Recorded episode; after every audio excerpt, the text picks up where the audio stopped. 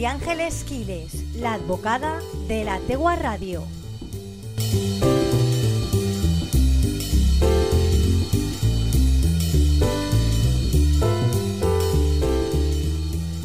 Muy buenas tardes a todos los que nos escucháis. Es viernes, eh, hablar de derecho y hoy pues quería comentaros un hecho que ha sucedido esta mañana bastante deplorable en el que han aparecido unas pintadas contra unas personas de Monóvar adjudicándoles pues una serie de, insultos y de bueno pues de delitos o de supuestos delitos que por desgracia suele ser bastante habitual que suceda no solamente en nuestro municipio sino en los demás y sobre todo pues en una especie de, pues, de denuncia social que, queda ahí y que, del que la persona no puede defenderse. Y bueno, pues totalmente inaceptable porque en, el supuesto de que aquello fuera verdad, que ya no me refiero a este asunto, sino a cualquier otro, eh, no es el, objeto, no es el lugar donde denunciar unos hechos. Y sobre todo cuando se atenta contra la propiedad privada. En este caso, además, con un agravante. El cariño que sentimos los monoveros por el, por el exconvento, por el convento de los capuchinos, pues hace todavía más inusual o más poco entendible cómo una persona cabreada o no, o con ganas de hacer una trastada, pues empiece a, proferir insultos o injurias o amenazas, en otros casos calumnias, coacciones, en un edificio de estas características. También tengo que decir que si el edificio del convento de los capuchinos hubiera sido declarado BIC, es decir, bien de interés comunitario, pues estaríamos hablando de penas más altas. No obstante, bueno, esto es otro, otro asunto que, quedará a quien corresponda, pero deciros que los delitos de injurias y calumnias pues, están contenidos en el Código Penal y son dos delitos totalmente diferentes. Dentro, se recogen dentro de los delitos contra el honor y bueno, pues podríamos plantearnos cuál es la diferencia entre una injuria y una calumnia. Bueno, pues el delito de injuria se define como la acción o expresión que lesiona la dignidad de otra persona, menoscabando su fama o atentando contra su propia estimación. Es interesante destacar que solamente serán constitutivos de delito de injurias que por su naturaleza, efectos y circunstancias sean tenidos en concepto público por graves.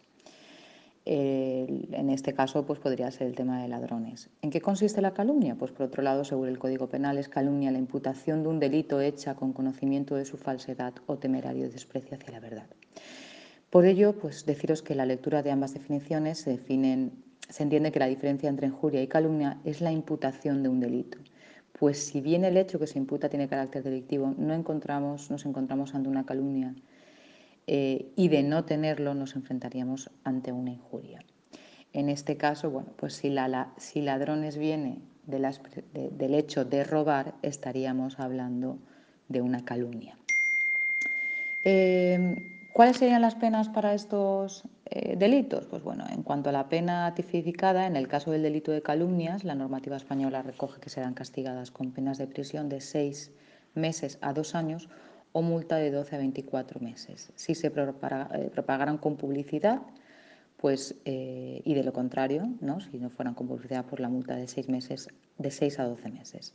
Sin embargo, pues el delito de injurias graves hechas con publicidad sería de multa de 6 a 14 meses y en el caso eh, contrario de 3 a 7 meses. Pues nada, ahí tenemos, en este caso está, es obvio que, se ha establecido con publicidad, pues eh, sin embargo sí que aparece especificado en el artículo 211 que se entiende por publicidad, pues aquellas que se propaguen por medio de la imprenta, la radiodifusión o cualquier otro medio de eficacia semejante. La normativa española recoge además que pasaría si las injurias o columnas son hechas con publicidad mediante alguno de los medios señalados anteriormente, indicando que será responsable civil solidario la persona física o jurídica propietaria del medio informativo a través del cual se haya eh, propagado la calumnia o la injuria. En este caso, vosotros habéis visto en varios medios publicitado, bueno, publicitado no, la palabra no es publicitado, colgado la fotografía de lo que sucedió, bueno, pues en ese caso eso no es la publicidad, eso es simplemente hacer referencia a, un hecho que se ha producido. Si esa persona que ha pintado eso eh, hace una foto y lo manda a los medios de publicidad, estaríamos haciendo, eh, estaríamos hablando de publicidad. A ver, estas cuestiones se producen en muchísimas ocasiones, como el delito, como os digo, pues es delito pintar un graffiti en bienes públicos o privados o unas amenazas o lo que hemos dicho. Está contemplado en el artículo 263 del Código Penal y viene resuelto de la siguiente manera. El que causare daños en propiedad ajena, no comprometidos en los títulos de este código, eh, será castigado con multas de, 20, de 6 a 24 meses, atendiendo las condiciones económicas de la víctima y la cuantía del daño. Bueno, pues al final eh, viene, como en todos los casos, tipificado en función de los ingresos de la persona y del daño que ha sucedido. Además, será castigado con pena de prisión de 1 a 3 años o multa de 12 a 24 años el que causara daños expresados en el apartado anterior si concurriera alguno de los supuestos siguientes. Que se cause por cualquier medio infección o contagio de ganado, que se empleen sustancias venenosas o corrosivas, que afecte a bienes de dominio o uso público o comunal, que se realice para impedir libremente el ejercicio de la autoridad, etcétera, que hayan sido ocasionados daños de especial gravedad o afectado a intereses generales. Este punto es el que yo os decía que si hubiese sido declarado BIC y se hubiera perdido pues alguna de las estos elementos no porque al final es sillería son, son piedras pero si se hubiera visto afectado algún elemento que no se hubiera podido reponer pues estaríamos hablando posiblemente de un delito de prisión. Y si la cuantía del daño causado no excediera los 400 euros pues estaríamos hablando de una multa. Si limpiar aquello no excede los 400 euros pues estaríamos hablando de una multa. Si excediera de los 400 euros limpiar ese graffiti, pues estaríamos hablando de un delito. Y así, pues bueno, en función de la gravedad del hecho, pues iríamos sumándole eh, meses de multa o prisión en el caso correspondiente. Así que nada, yo, eh, aunque se pone de moda pintar paredes y, parece que está bonito eh, pues llevar el arte a la calle, yo aconsejo que a nadie se le ocurra hacer dibujitos o pintaditas o estos hechos tan desagradables ni en, el espacio, ni en ningún espacio público ni en ninguna propiedad privada. Cada uno, eso sí, en su casa, que haga lo que le, lo que le plazca, siempre y cuando, ojo, no se esté menguando el interés general. Es decir, por ejemplo, a nadie se le ocurriría en, en Altea, donde hay una normativa muy específica de los edificios estén pintados de blanco y tengan unos elementos ornamentales y, esa homogeneidad que hay en Altea, pues a nadie se le ocurriría en su casa pues pintar un graffiti o pintar la fachada con, pues, con cuadritos y cositas de estas que ahora se llevan mucho. Pero bueno, eh, en el caso de que se hiciera en la propiedad privada, pues si no atenta contra la normativa del municipio, pues adelante.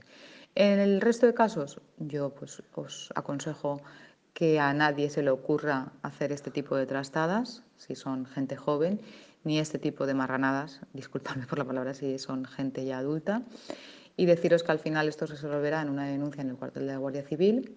Posiblemente, si ya es una persona, si ya es una persona que ha hecho grafitis en otras ocasiones, eh, recordamos que hubo uno muy similar en la iglesia, pues bueno, si tienen se, hará una aprecial caligrafía si consiguen detener a alguien por esos hechos y se determinará si esa letra le corresponde a esa persona o no, independientemente de que haya, alguien haya podido verlo, aunque normalmente estos delitos se suelen llevar a cabo por la noche. Bueno, pues nada, eh, lo dicho, os animo a que no hagáis este tipo de cosas y si tenéis que denunciar alguna situación, que lo hagáis por los medios correspondientes ante la Guardia Civil, Policía Nacional, Policía Local o ante el Juzgado de Guardia. Un saludo, un beso y nos escuchamos el próximo viernes. María Ángeles Quiles, la advocada de la Tegua Radio.